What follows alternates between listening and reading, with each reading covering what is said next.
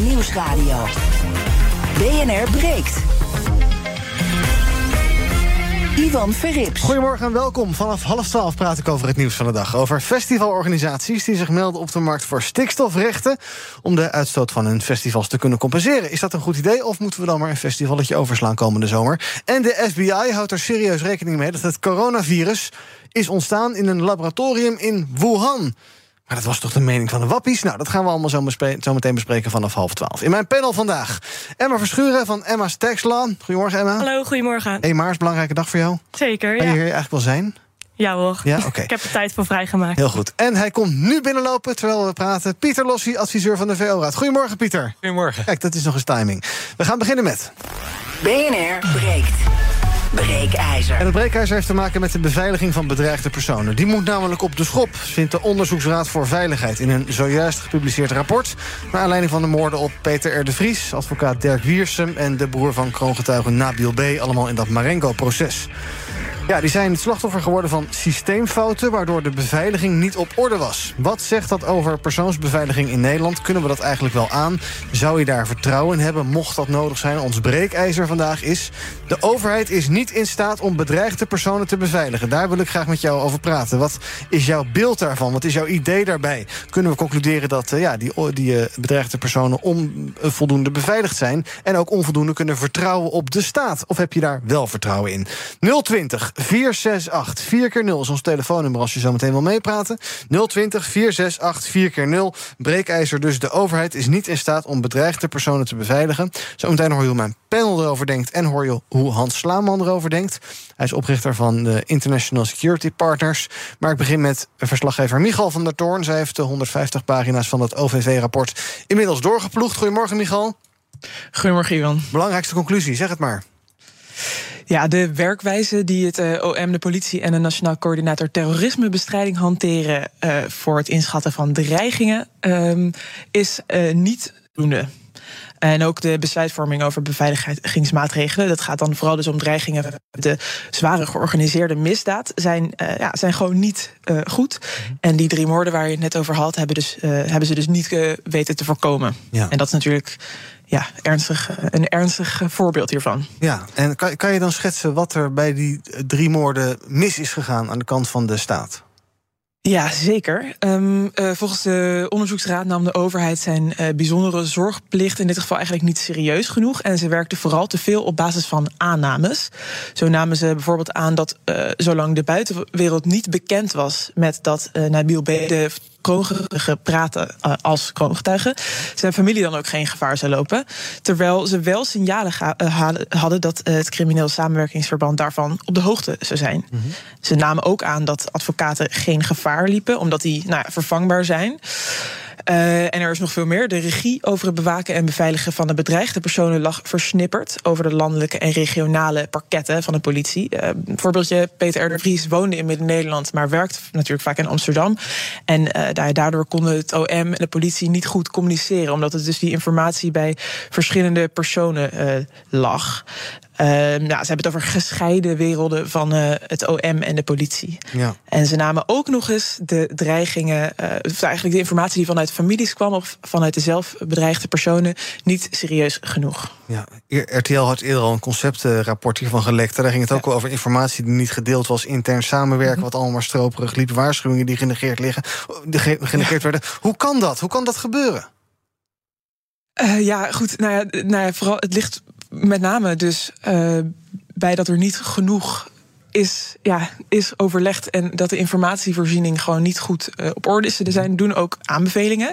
Die richten ze nou ja, aan de minister uh, van Justitie en Veiligheid, maar ook het OM en de politie. En um, wat erg belangrijk is, zegt de onderzoeksraad, is dat als je werkt met zo'n kroongetuige, eerst de beveiligingsmaatregelen op orde moeten zijn en ook in werking uh, zijn getreden voordat zo'n deal uh, publiek bekend wordt. Hm. In dit geval ja, zijn er dus aanwijzingen dat Rion Taghi al wist dat uh, Nabil B. ging praten. En je kan je wel voorstellen, en dat is ook gebleken, wat voor gevaarlijke situaties dat kan opleveren. Michal van der Toorn, dankjewel. Uh, jij uh, gaat zo meteen de reacties uh, ophalen, uiteraard over dit onderwerp. Ik zit even te kijken bij minister Jezus Die heeft nog niet gereageerd. Die heeft al wel maatregelen genomen. Die heeft al de eerste verbeterplannen ja, doorgevoerd. Er komt meer geld voor het beveiligen van advocaten en andere hoeders van de rechtsstaat, zo zegt zij. Maar hebben wij daar een beetje vertrouwen in? Daar gaat ons breekijzer over. De overheid is niet in staat om bedreigde personen te beveiligen. Ik ben heel benieuwd hoe jij daarover denkt. 020 468 4 keer 0 dus. Zometeen ga ik praten met mijn twee panelleden, kijken hoe zij erover denken. Maar ik begin met Hans Slaman, ik zei het al, oprichter van International Security Partners. Goedemorgen, Hans. Het goed is, is jouw verbinding er, maar ik hoor jou niet. Nou, dan gaan we eerst eventjes eh, die verbinding herstellen en in de studio beginnen. Emma, als je dit zo hoort, onder andere van Michal net... dan zijn er toch wel eh, ja, blunders begaan. Uh, nou ja, was dit misschien allemaal niet nodig geweest? Zou jij, heb jij vertrouwen in, in, in hoe dit stelsel werkt, dat stelsel bewaken en beveiligen? Nou, aan de ene kant heb ik er wel echt vertrouwen in. Maar aan de andere kant vraag ik me ook af... als die nou ja, hele grote criminele terroristen iemand willen vermoorden, vinden ze toch wel een manier. Mhm. Dus ook al gaan we die beveiliging heel erg aanscherpen, vraag ik me af of de moorden dan wel voorkomen zouden kunnen worden. Ja. Ik denk dat als er ergens een wil is, dat er ook wel een weg is. Dus wat je ook doet, dat er toch wel iets gevonden wordt... hoe ze alsnog vermoord kunnen worden. Ja, en als die wil maar, genoeg, als die wil maar groot genoeg is... dan gaat dat vanzelf gebeuren. Pieter, wat, wat denk jij? Ja, tegelijkertijd de, de, de wil vanuit helaas heel veel mensen om bijvoorbeeld een uh, persoon als Geert Wilders te vermoorden is natuurlijk ook groot. Mhm. En toch met jarenlange beveiliging is dat gelukkig uh, niet gebeurd. Uh, kijk, het lastige is dat de, dat de overheid vaak genoeg heeft getoond dat het richting burgers vaak uitgaat van het slechtste. En dat juist bij één thema waarvan je hoopt dat ze eigenlijk ook uitgaan van het slechtste, ze zijn uitgegaan van het beste. Door argumenten te gebruiken als het is een advocaat en die is vervangen, vervangbaar.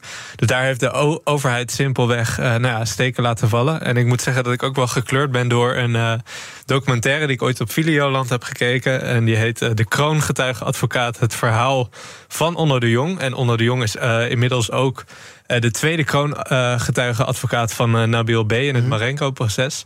En hij toont ontzettend dat, dat al die verschillende partijen heel erg langs elkaar heen praten. Dat de communicatie van, vanuit NCTV heel slecht is. En dat heel veel ook moet komen vanuit initiatief, vanuit eigenlijk de beveiligde personen zelf. Dus er moeten wel echt hele grote lessen geleerd worden uit wat er is gebeurd. Ja, nou er zijn dus aanbevelingen gedaan. Overigens, Onno de Jong en Peter Schouten, die inderdaad samen met Peter de Vries dat verdedigingsteam van Nabil B. vormden, die reageren geloof ik vanmiddag op dit rapport. Dus dat gaan we ongetwijfeld dan volgen. Hans Laaman is inmiddels nu echt bij ons. Goedemorgen, Hans. Goedemorgen. Ja, ons breekijzer. De overheid is niet in staat om bedreigde personen te beveiligen. We hoorden net een korte samenvatting van wat de OVV heeft geconstateerd. Ja, die heeft gezegd er zijn echt gewoon fouten gemaakt. Um, wat is jouw indruk? De eerste uh, verbeterplannen zijn aangekondigd. Er komt meer geld. Gaat dit, uh, gaat dit beter worden? Ik, ik mag het hopen. wat ik heb gehoord, herken ik vanuit onze, onze praktijk. Mm -hmm. Ik heb al eerder gezegd, op basis van onze ervaringen met uh, mensen vanuit het stelsel bewaken en beveiligen, is dat de expertise om mensen te beveiligen, die is er zonder meer. Uh, waar het dan schort, is eigenlijk uh, wat er ook door de onderzoeksraad is geconstateerd, versplinterd. er is geen centrale aansturing. wij hebben dat in praktijk ook meegemaakt dat in het ene deel van het land we uitstekend kunnen samenwerken met mensen van het stelsel en bewaken en beveiligen. En in een ander deel van het land dat dus heel moeizaam verloopt. Uh, en schijnbaar uh, zijn er verschillen van inzichten daar waar het gaat om uh, bijvoorbeeld samen te werken met uh, commerciële bureaus. En dat is een gemiste kans, omdat bureaus zoals ons, en zo zijn er meer van in Nederland, daar is voldoende specialistische kennis en know-how aanwezig om uh, je een dienst van stelsel en bewaken uh, te kunnen ondersteunen. Oké, dus ja, jij pleit voor samenwerken met bureaus zoals de jouwe. Aan de andere kant zou je ook kunnen denken, ja, uh, een staat moet dit toch zelf kunnen regelen. En ja, dit is toch een publieke, publieke functie. Waarom zijn er commerciële bedrijven bij nodig? Of toont, dat, toont dit maar aan dat, dat het echt nodig is? Nou, kijk, ik denk dat de, de overheid je ziet zich gesteld voor een, voor een groeiend probleem. Dat betekent dat er een enorme druk ontstaat op hun capaciteit. En wat niet vergeten mag worden, is dat er natuurlijk uh, je met regelmaat mensen die zich bedreigd voelen. Uh, zich tot commerciële bureaus in eerste instantie wenden. Okay. en die zoeken dan afstemming met de politie in een aantal gevallen. Mm en het is ook vaak bevindt het zich op een grensgebied. Het is niet altijd dat de dreiging van dermate aard is dat het valt binnen uh, de criteria waarvoor het stelsel en bewaken en beveiligen is opgericht. Ja. Um, wie moet zich wat jou betreft de kritiek van dit rapport het meest aantrekken? Is dat uh, OM, politie, uh, NCTV, die zitten met z'n drieën in dat stelsel, hè? of de minister die daar, die daar allemaal om gaat? Waar, waar is werk aan de winkel? Ja, ik zou zeggen op alle drie de fronten. Hm. Uh, het, ik vond het schokkend om te horen het relaas van je collega die het rapport heeft gelezen. Want wat ik daaruit afleid is dat er opnieuw sprake is geweest van onderschatting. Uh, er is geen worst case scenario uh, gedacht. Uh, en ja, dat heeft dan geleid tot dit soort ja, uh, ongelofelijke fouten. Ja. Kan niet anders stellen. Ik begrijp het. We gaan er zo verder over praten. Ons breekijzer. De overheid is niet in staat om bedreigde personen te beveiligen. Ik ben heel benieuwd hoe jij erover denkt. 020 468 4 keer 0 als je wil reageren. Wiljan, goedemorgen. Ja, met William. Hallo, zeg het maar. Ja, goedendag. Ik heb daar een mening over. Mm uh, de staat kan dat heel goed bekostigen, maar die is, is, niet verplicht dat te bekostigen, omdat zijn belastingcentjes van iedereen die dat maar betaalt. Mm -hmm. Ja, en de meneer die beveiligd wil worden, zijn zaken vaak zelf eigenwijs. Want uh, Peter R. de Vries kon zichzelf beveiligen en kan het ook betalen. Geert Wilders kan het ook betalen. En minister-president uh, Mark Rutte kan het betalen. Dus dat kunnen ze zelf regelen. Ja, maar... En daar zijn instanties voor om dat te regelen, maar niet van onze belastingcentjes. Vindt het geen publieke taak? Het is geen publieke taak. Even naar iets anders, daar wil ik even naartoe. Dat heeft wel met beveiliging te maken. Ja. Kijk, mensen gaan zich frustreren aan bewindslieden of rechters als zij verkeerd uitspreken. En dat wil dus zijn, bijvoorbeeld, er zijn drie moorden gepleegd ja. in Roermond een tijd terug.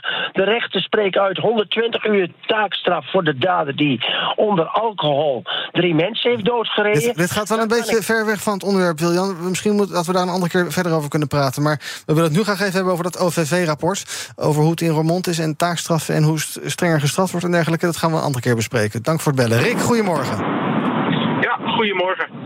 Uh, ik denk dat het probleem uh, zich vooral uh, uh, bevindt in, in de manier hoe alles is georganiseerd. Mm -hmm. Als ik kijk dat je bij de, de, de dienst Koninklijke Diplomatieke Beveiliging van ja. de politie, we hebben de brigade specialistische beveiligingsopdrachten van de Koninklijke Marechaussee, die nu ook nog een aparte tak gaat oprichten voor de beveiliging.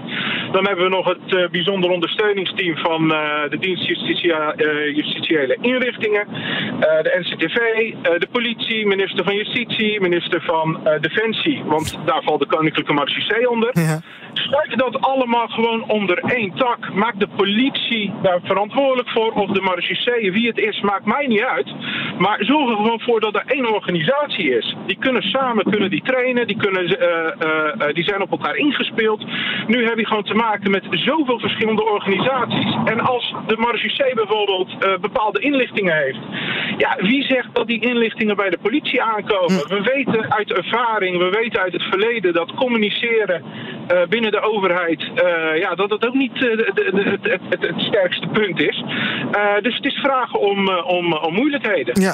de mensen in de uitvoering, ja, daar ben ik van overtuigd, die doen gewoon hartstikke goed hun, hun, hun best en hun werk. Ehm, alleen ja, de, de, de, de, van bovenaf kan ja. het nog veel beter ingericht worden. En dan was de situatie de afgelopen jaren dus vragen om problemen. Dank voor het bellen. Tot slot van dit blokje even Sam. Goedemorgen, Sam. Ja, goedemorgen. Het is een illusie om te denken dat de overheid uh, ten alle tijde, jaar in jaar uit, iemand kan uh, beschermen. Dat is natuurlijk zo onzinnig. Uh, ja, gedachte en ook een eis. Dus de overheid kun je niet altijd kwalijk nemen in dit geval. Doet me denken aan een hele belangrijke rechter in Italië. die echt met alle middelen beveiligd werd. en uiteindelijk toch werd vermoord door uh, mafiosis. Mm -hmm. En ik bedoel daarmee te zeggen, men uh, zegt continu ja, Wilders wordt goed beveiligd en kijk maar, er is helemaal niets gebeurd. Nou, ik garandeer u één ding. Ik, ik, ik, heb, ja, ik ben echt politiek dier. Ja. En ik uh, kom graag bij bijeenkomsten. Als ja. iemand echt, echt van plan is om Wilders bijvoorbeeld te vermoorden, dan heeft hij voldoende ja. tijd. Dan neemt hij ook voldoende de tijd. En dan gebeurt het ook. En dan is het gewoon niet tegen te houden. Dus Dank. stop met die uh, onzin te denken dat dat ook lukt. Want 100% veiligheid bestaat niet. Dank Sam voor het bellen. BNR breekt. Ivan Verrips. In mijn panel vandaag Pieter Lossi, adviseur van de VO-raad... Emma Verschuren van Emma's Tax. Ook bij me is Hans Slaman, hij is oprichter van International Security Partners. We praten over ons breekijzer... naar aanleiding van het OVV-rapport dat 19 minuten geleden werd gepubliceerd. De overheid is niet in staat om bedreigde personen te beveiligen. Als je wil reageren, 020 468 4 keer 0 Nu bellen, kom je zo meteen in de uitzending. 020 468 4 keer 0 Ja, Hans, woorden net van Rick een opsomming met eh, allerlei instanties... die zich bezighouden met het beveiligen van, eh, nou, ik zeg maar even onbeleefd Jan en alle man. Um, uh, het geval Peter de Vries werd ook genoemd. Dat scheen in die beveiliging nogal een, uh, ja, uh, niet een al te makkelijke man te zijn geweest. Die wilde dus niet zijn hele agenda delen. Ik begrijp trouwens dat de verbinding met Hans weg is, dus dan gaan we dat toch maar even hier bespreken.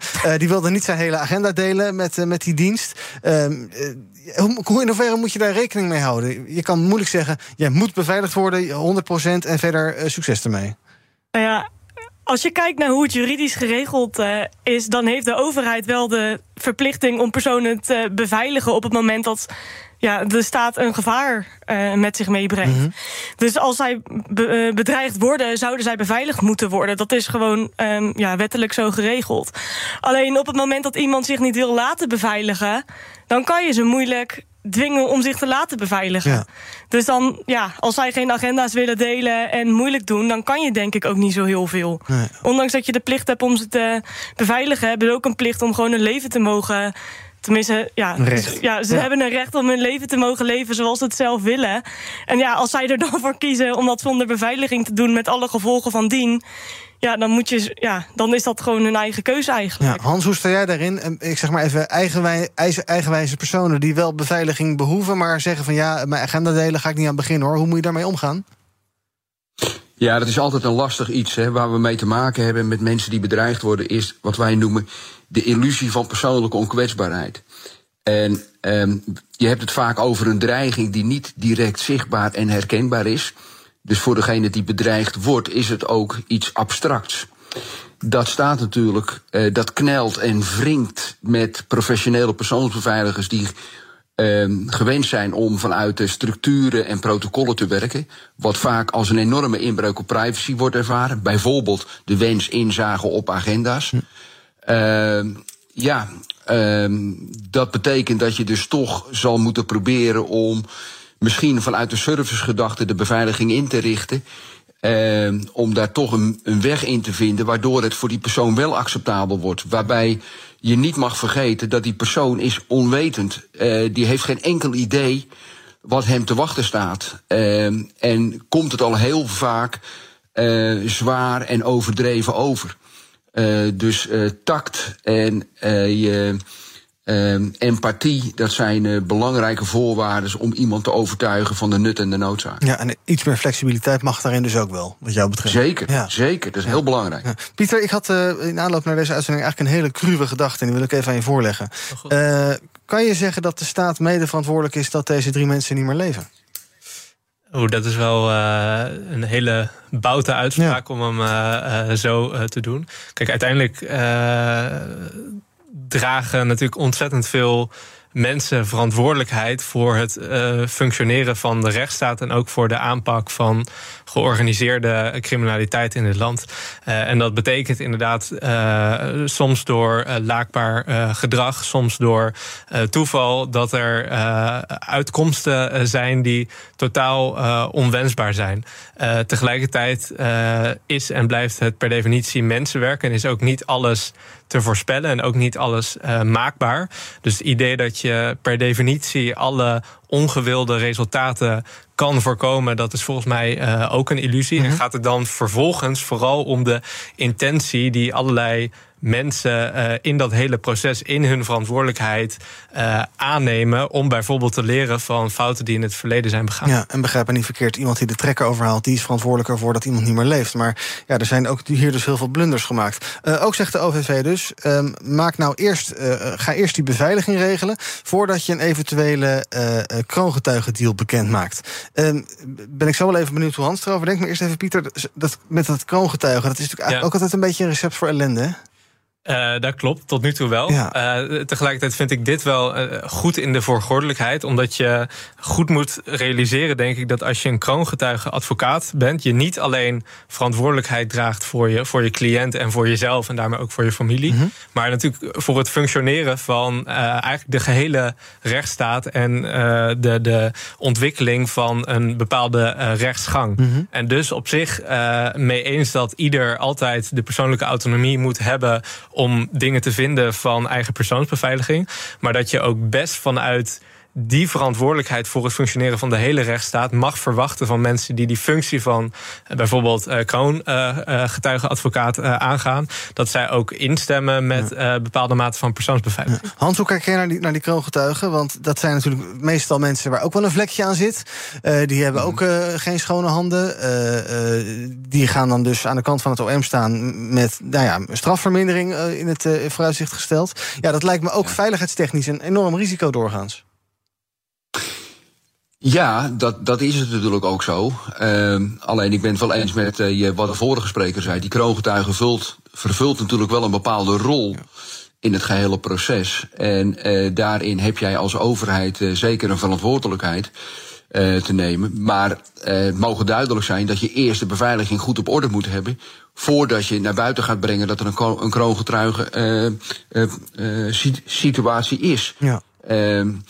Ehm, want uh, er is nu al bij diverse casussen gebleken dat er uh, mensen uh, achter informatie komen doordat er gewoon te snel over bepaalde zaken naar buiten is gecommuniceerd. Ja, en dan komt die kroongetuige met allerlei opmerkingen waar vervolgens niks mee wordt gedaan. Dat is ook niet bepaald handig. Uh, tot slot, nee. uh, Hans, we hadden net Rick aan de telefoon. Die zei, ja, er moet eigenlijk gewoon één partij boven staan. Het is hartstikke versnipperd. Jij zei het ook al, het is regionaal versnipperd. Het is versnipperd over verschillende instanties. Ja, in dit soort zaken moet je niet gewoon één regisseur hebben. los van het verhaal wat jij zegt, ga samenwerken met commerciële bureaus dat snap ik. Maar het, het, op het staatsniveau moet je niet één regisseur hebben die dit onder zijn hoede neemt. En uh, die versnippering daar zo snel mogelijk vanaf. Want dat is dus een recept voor ellende. Vroeg ik aan Hans, maar die is stil van. Ik denk dat de verbinding weer weg is. Um, we gaan dan dit uh, half uur afronden. Ik denk wel dat Hans het daarmee eens is, maar dat weet ik eigenlijk niet zeker. Heb jij er nog een idee bij, Emma?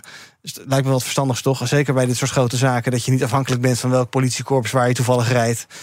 Nee, ik denk inderdaad dat het handig is. Bij um, grote zaken staat het OM er natuurlijk boven. En die stuurt de politie aan. Alleen, ja, dat is alleen bij de grote ja, zaken waar ze naar een rechtszaak toe werken. Ja. En er hoeft niet altijd al een rechtszaak te zijn voordat dat het geval is. Dus ik denk zeker dat het goed is om bij alles gewoon één vast aanspreekpunt te hebben die over het hele land uh, gaat per ja, grotere zaak. Ja, en die dus ook uh, informatie kan stroomlijnen... kan zorgen dat dingen terechtkomen... in plaats van dat het allemaal stroperig blijft hangen. Oké, ik dank, uh, ondanks de wat technische uitdagingen... Hans Slaaman, oprichter van International Security Partners. Fijn dat je bij ons was op onze Instagram-pagina. Is 80% het eens met de stelling... de overheid is niet in staat om bedreigde personen te beveiligen. Daar dus vrij weinig vertrouwen in de staat als het hier om gaat.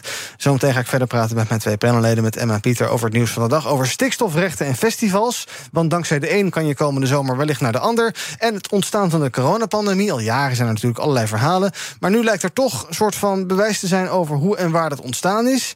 En dan komt de FBI met het verhaal... ja, het zou toch wel eens een lab leak kunnen zijn. Maar was dat nou niet het verhaal van de wappies? Nou, gaan we allemaal zo bespreken. In het tweede deel van BNR Break. Tot zo.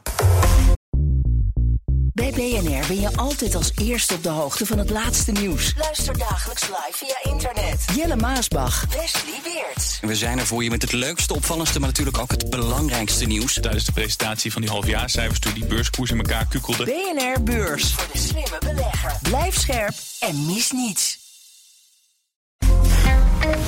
Blijf scherp. BNR Nieuwsradio. BNR breekt. Ivan Verrips. Welkom terug in mijn panel vandaag. Emma Verschuren van Emma's Tax en Pieter Lossi, adviseur van de VO-raad. We gaan praten over het nieuws van de dag. Te beginnen met festivals, want organisatoren daarvan... die melden zich op de markt voor stikstofrechten... om zo de uitstoot van hun festivals te kunnen compenseren, schrijft NRC vandaag. Door heel Nederland eh, worden boeren door festivals uitgekocht... zodat hun feestje komende zomer of in het voorjaar door kan gaan. Ze zijn niet de eerste met het idee, het gebeurt al bij allerlei andere plekken. Uh, grote uitstoters projectontwikkelaars, provincies, Schiphol, Rijkswaterstaat, bedrijven. Iedereen is aan het jagen op stikstofrechten, zodat je iets kan doen. Terwijl het idee toch was, dat gaan we allemaal met de staat regelen. Ehm, heb jij nog festivalplannen voor komende zomer, Emma? Nou, ik denk dat ik wel ergens heen ga, maar ik heb nog geen flauw idee waar. Nee, en uh, dat moet natuurlijk wel uh, gecompenseerd worden. Je kan niet zomaar feesten zonder uh, je stikstofuitstoot even goed geregeld te hebben. Nee, dat bleek inderdaad. Ja. Wat vind je ervan? Nou, ik vind het aan de ene kant wel goed, maar aan de andere kant vind ik het ook een beetje raar dat we nou ja, rechten van boeren moeten gaan overkopen. Die mogen hun bedrijf niet meer voeren, maar dan mag je wel ineens een festival gaan doen op precies zo'nzelfde soort plek. Dus Ja. het voelt een beetje heel erg dubbel. Beetje gek dat er koeien weg moeten, zodat jij van een muziekje kan genieten. Ja, dat, ja, dat klinkt niet helemaal fair. Ik Ja. denk dat, dat er ook betere oplossingen zijn. Want dat las ik ook in het artikel wat we nou ja, moesten lezen van tevoren. je huiswerk. Het huiswerk, ja. Dat ze bijvoorbeeld bij Intense, daar ben ik vorig jaar dan geweest... Ja. dat ze daar in plaats van kunstmest, dat ze dat, of tenminste weet ik veel... ze hebben in ieder geval een ander soort mest gebruikt... Ja. wat minder stikstof bevatte... en op die manier konden ze het compenseren. En dan denk ik, ga gewoon dat soort dingen doen. Ga even goed nadenken. Ga gebruik maken van groene energie of weet ik veel wat... om te zorgen dat het beter gaat... in plaats van dat je die boeren die hun rechten hard nodig hebben... dat je die rechten gaat overkopen. Ja, Intense is een harddance festival, toch? Ja, het is hardstyle was het. Was het leuk? Eh, ja, nou, het was niet echt mijn muziek, maar daar kwam ik Waar- iets te waar- laat waar- achter. waarom was je er dan? Ja, omdat ik het niet helemaal wist. Nou, daar ga je dit jaar niet heen, dus dat is geen reclame. Eh, Pieter Lossie, ook niet te vinden op eh, Intense, denk ik. Hardstyle Nee, ik ben niet nee. echt een festival gaan. Nee. Vind je het logisch dat ook festivalorganisatoren zich nu bezig moeten houden naast muziek, Hm. bier en gratis water met eh, stikstofuitstoot? Tot een paar jaar geleden had niemand daar ooit van gehoord. Ja, kijk, het is natuurlijk eh, zorgelijk dat de overheid er niet in slaagt om gewoon aan fatsoenlijke natuurbescherming te doen. Dat staat voorop. Tegelijkertijd vind ik het ergens wel een positieve ontwikkeling dat, dat private partijen dus echt met de neus op de feiten worden gedrukt wat betreft hun eigen milieu- en eh, natuurimpact. Eh, en eh, nu heb je wel dat onder de streep er in ieder geval voor gezorgd wordt dat de stikstofdepositie voor eh, natuurgebieden eh, niet te hoog is. Eh, en of dat nou eh, linksom gaat of, of rechtsom. En of daar dan een boerderij voor moet worden uitgekocht eh, of niet. Uiteindelijk betekent dat onder de streep wel dat de natuur niet degene is die de prijs betaalt. voor alle politieke spelletjes die in onze samenleving plaatsvinden. Wordt wel een beetje een papieren tijger natuurlijk, hè? Natuurlijk, dat, dat, Ja. dat is het. Eh, eh, dat is het. Maar tegelijkertijd, eh, het, eh, op het moment dat er niet een uitspraak zou hebben gelegen vanuit de Raad van State, dan had je straks nog steeds al die boerderijen gehad en die private partijen die gewoon klakkeloos bezig waren met hun stikstofuitstoot. dus op zich dat daar nu bewustzijn op komt, dat er vervolgens allerlei meetinstrumenten op worden ontwikkeld, dat er ook gewoon maatschappelijk veel meer aandacht voor is. Is denk ik een positieve ontwikkeling. Het festivalletje wordt er vast niet goedkoper van, Emma. Nee, daar ben ik ook Nee. bang voor. Nee, het is al vrij duur, dus dan moeten we dit ook nog gaan betalen met elkaar. Nou ja, dat mot dan maar. Ehm, eh, eh, ja, eh, en op zich, ehm, in de Tweede Kamer is al best al lang onrust over bijvoorbeeld een club als Schiphol, die ook een beetje in het geniep, nou is logisch, het gaat altijd in het geheim, maar die in het geniep eh, allerlei stikstofruimte heeft opgekocht om zo een eh, vergunning aan te kunnen vragen. Zou dit niet inderdaad gewoon door de staat moeten worden gereguleerd? Want je krijgt nu een soort ja, stikstof maffia-praktijken... waarbij voor het hoogste bod dingen worden opgekocht. En eh, dit is een soort concurrentie, dat moeten we eigenlijk niet willen. Als we, als we zeggen we willen natuur herstellen... dan moet het natuurlijk niet zo zijn dat Jan allemaal overal maar stikstof kan kopen... voor een eigen goede doel, toch? Nee, dat klinkt een beetje raar. En wat aan de andere kant dan ook een beetje zorgelijk is... die boeren die zitten nu allemaal met de angst van... we weten niet wat er gaat komen. En dan gaan ze zo meteen dus hun stikstofrechten verkopen... een soort van half gedwongen aan festivalorganisaties... zodat zij hun bedrijf kwijt zijn. En dat vind ik ook absoluut niet fair overkomen. Nee. Pieter, de Tweede Kamer schreeuwt dus moord en brand... maar dan moeten ze toch gewoon wetgeving gaan maken. Dus Ja, dus de- stommigheid. Dus dit. dat is de eerste beste Ja. optie. Tegelijkertijd, als straks ook bij de provinciale statenverkiezingen mensen eh, in heel Nederland op eh, de, de, de gedeputeerde eh, staten eigenlijk stemmen, die massaal en met consensus zeggen: we gaan niet voldoende doen aan natuurbescherming en ook niet de, de eigenlijk harde doelstellingen vanuit Europa wat betreft stikstofvermindering uitvoeren. Ja, dan is een soort eerlijke markt creëren om ervoor te zorgen dat je onder de streep alsnog eh, eh, nou, eh, niet eh, te veel stikstof uitstoot. Misschien wel eh, als alternatieve optie de beste optie. Second best. Oké, we gaan praten over ander nieuws. We gaan eerst luisteren naar deze meneer.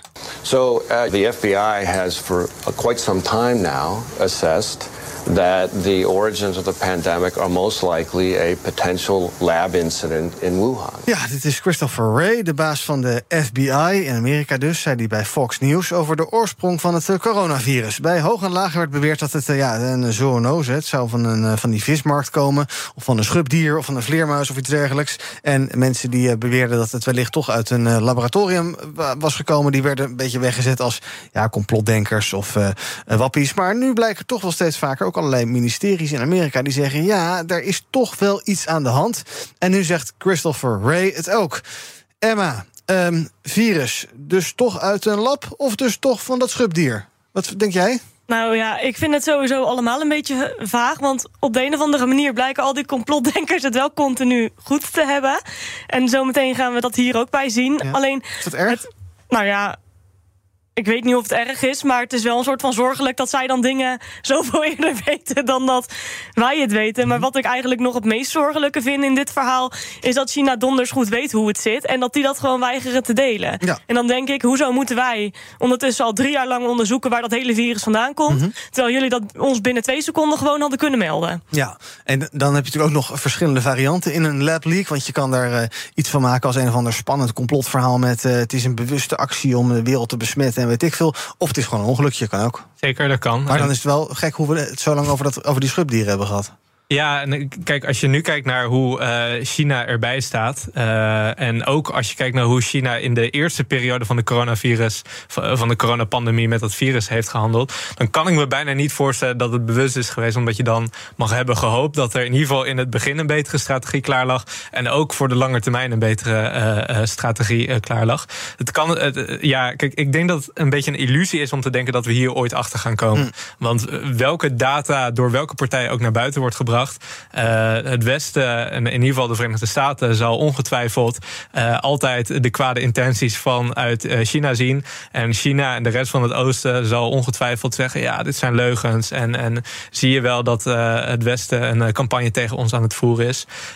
ik denk de enige conclusie die we kunnen trekken is dat we in de toekomst moeten voorkomen dat er meer zoonosen komen. Dus ontmanteling van de industriële veehouderij en zorgen voor goede algemene volksgezondheid. Maar heel veel meer dan dat kunnen we denk ik niet doen. Nee, maar die Chris Ray natuurlijk niet de eerste, de, de beste Jan Doedel. Nee, dat klopt. Dat klopt. Dus we moeten het ook serieus nemen. En, en het is zeker een, een, een plausibel uh, scenario, maar 100% zeker weten dat, uh, dat kunnen we niet. Nee, er was er nog een flinke groep onderzoekers van de Wereldgezondheidsorganisatie. Met onder andere daarin Marion Koopman, die afgelopen zomer een paar keer op schoolreisje was in China om daar onderzoek te doen. En die kwamen dan terug en die zeiden van ja, uh, het komt waarschijnlijk van de markt, maar eigenlijk helemaal zeker weten doen we het ook niet. En we hebben meer informatie nodig, maar die willen de Chinezen niet geven. Zijn ze daarvoor de gek gehouden, denk je? Ja.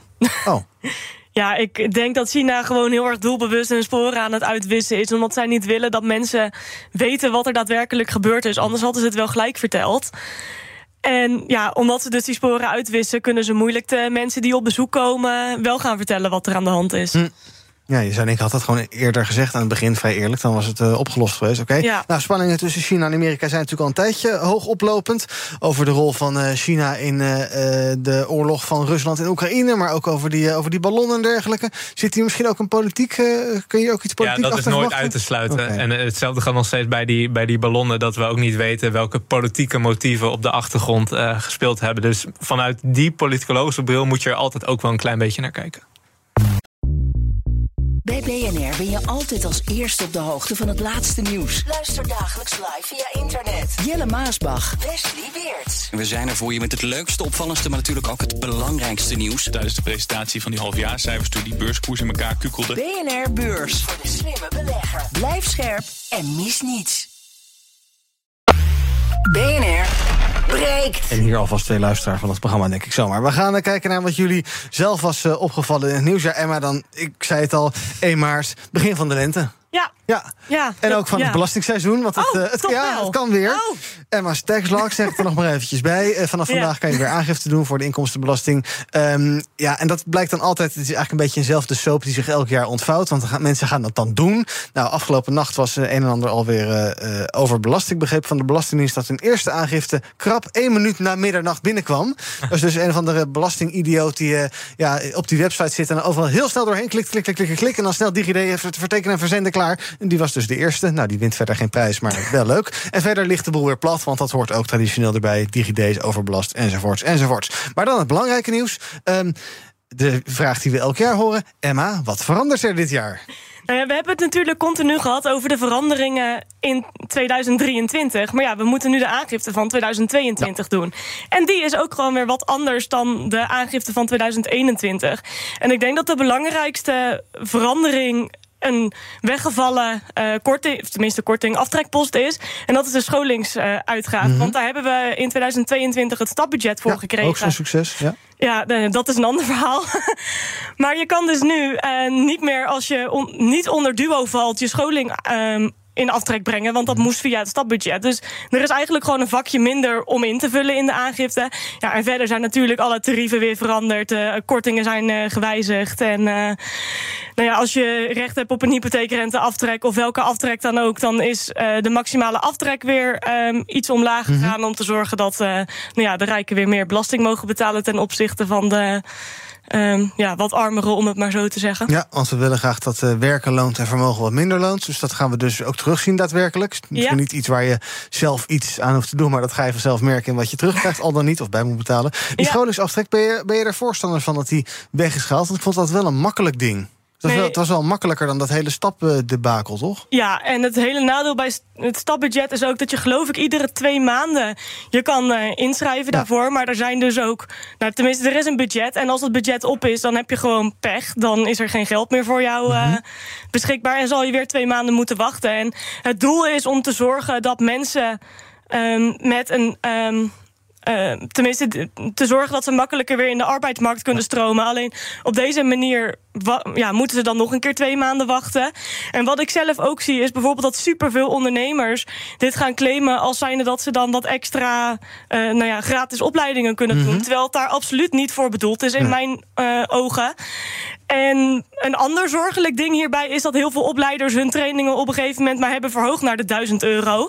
Want ja, dat is dan toch wel zo makkelijk als de overheid het betaalt. Dan maakt ja, het niet meer uit. Of, geld. Uh, ja. ja.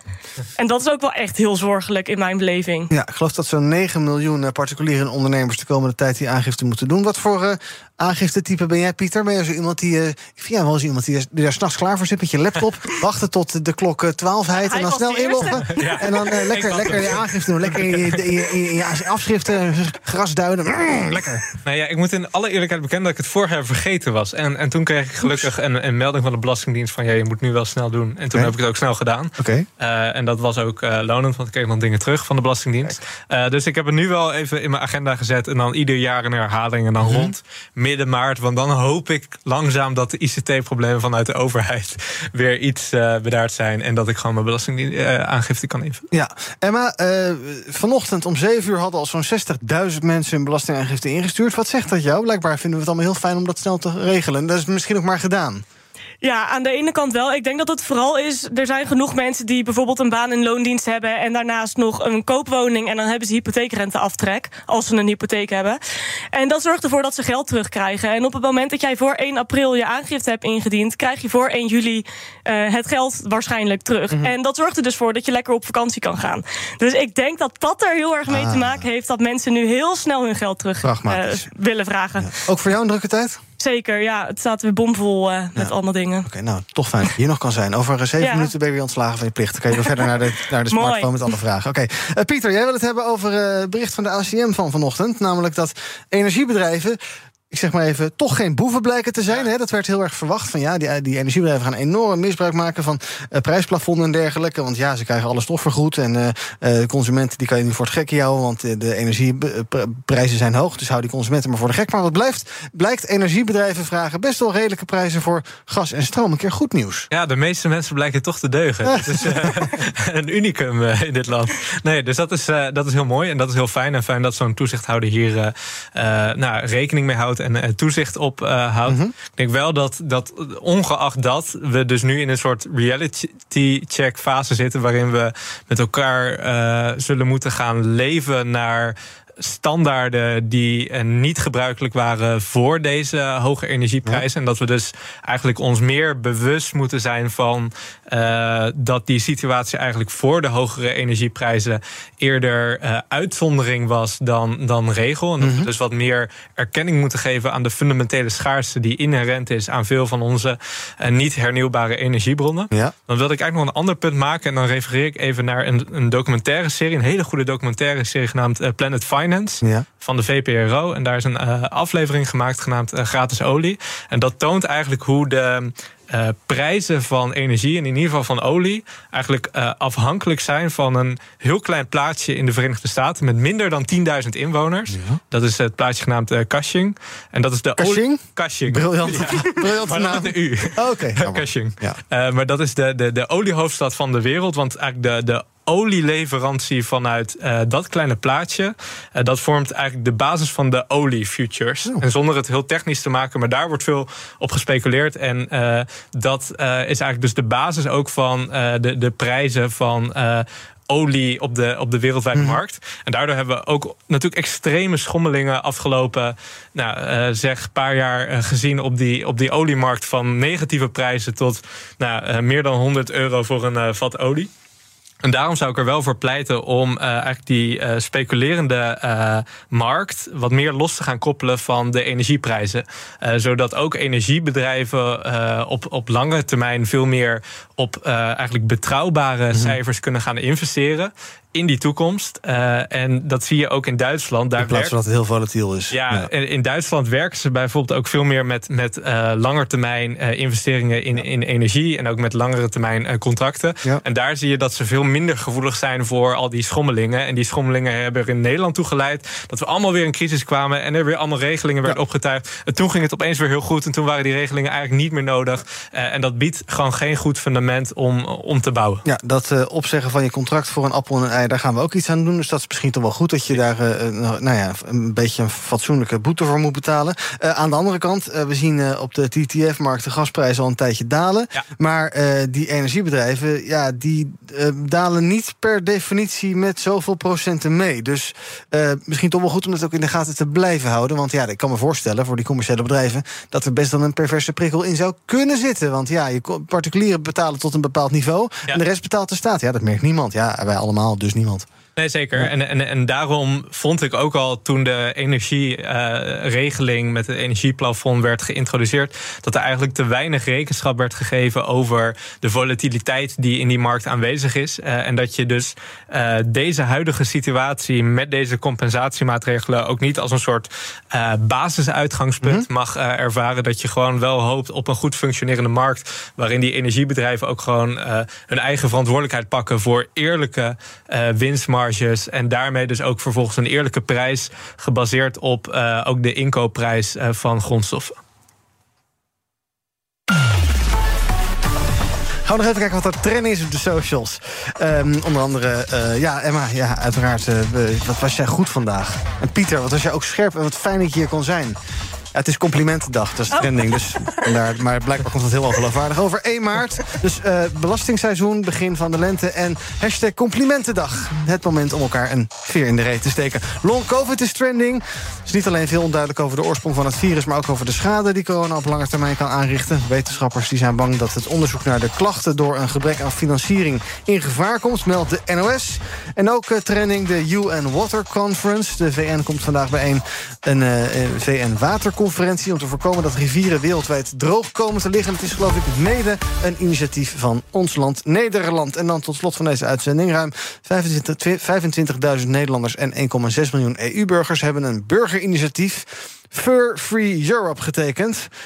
Er is uh, geen duidelijke EU-regelgeving omtrent de productie en verkoop van bont. Zoals de productie in ons land verboden, maar in veel andere EU-landen nog legaal. Ik zag vanochtend een artikel in uh, Trouw daarover... met daarbij een foto van een hele elitaire bekakte dame... in een heerlijke bon bontjas in Sankt Moritz. Die zal het vast niet koud hebben. Met trouwens twee vrij dunne honden die het waarschijnlijk wel koud hebben. Um, uh, ja, bont is niet meer echt een ding, toch hier? Of heb jij... Ik zit er wel even na te denken. Ik heb zelf sowieso uh, alleen nepbont aan mijn jas Ja. zitten. Maar um, ik zie, denk niet dat ik heel veel mensen zie met echt bont. Of in ieder geval niet dat het zodanig opvalt. Maar helemaal niet die lange, dikke, Jassen, zoals, zoals die mevrouw in trouw. Nee, absoluut exact. niet. Is de bont een groot probleem nog steeds, Pieter? Ja, zeker. Oh. Eh, niet alleen vanwege diervriendelijkheid, dat natuurlijk onder druk eh, staat, maar ook door wat ik al eerder noemde, die, de kans op zoonose. Want we weten onder andere uit Denemarken in de coronacrisis hebben we dat gezien bij Oh ja. als je heel veel nertsen bij elkaar zet, dat dat dan ook weer kan leiden tot eh, verspreiding van eh, eh, zoonose. En, en Ivan, jij laat zien als eh, eh, eigenlijk eh, voorbeeld dat je ook gewoon hele leuke jassen kan dragen eh, zonder, ja, zonder dat je daar bond voor nodig hebt. Ik heb Dus- een hele lelijke superdry jas aan vandaag. Dus laten we inderdaad eh, die boel snel eh, eh, kapot reguleren. Goede kleur truipje aan vandaag. Dankjewel. Ja, ik heb dezelfde kleur. Oké, eh, dank eh, voor jullie aanwezigheid vandaag. Emma, ook jij heel erg bedankt. Succes met alle belastingdienstvragen. Dankjewel. Het zal wel druk worden de komende tijd. Maar is, ook- is dat ook zo'n goed geld verdienen in die maanden voor jou? Als er, als er wat Als er veel uitkomt, vragen wel. zijn? Ja, als er veel vragen zijn en Nou. ik kan ze factureren, zeker. Laten we hopen dat er veel problemen zijn met de belastingaangifte. Dank jullie wel voor jullie aanwezigheid vandaag. Pieter Lossie, eh, adviseur van de VO-raad... en Emma Verschuren van Emma's Tax Law. Morgen ben ik er weer met BNR Break. Tot die tijd volg je ons via de socials. En later vandaag hoor je ook alle reacties hier uiteraard over dat OVV-rapport. Ik zag al van alles nog wat voorbij komen. De familie uiteraard van die kroongetuigen heeft gereageerd. Ze vindt dat ze eindelijk erkenning hebben. Minister Jezel Guus heeft gereageerd. Zegt we gaan dit OVV-rapport gebruiken... bij de hervorming van dat eh, stelsel beveiligen en bewaken. Zoon van Peter de Vries heeft gereageerd. Eh, het OM zegt dat ze lessen kunnen leren uit het OVV-rapport. Daar dus later in deze eh, uitzendingen... onder andere bij de Daily Move uiteraard veel meer aandacht voor. En als je de radio aan laat staan, dan hoor je... terug van weg geweest, Thomas van Zel met BNR Zaken doen. Ook Liesbeth. Bij BNR ben je altijd als eerste op de hoogte van het laatste nieuws. Luister dagelijks live via internet. Jelle Maasbach. Wesley Weerts. We zijn er voor je met het leukste, opvallendste, maar natuurlijk ook het belangrijkste nieuws. Tijdens de presentatie van die halfjaarcijfers toen die beurskoers in elkaar kukkelde. BNR Beurs. Voor de slimme belegger. Blijf scherp en mis niets.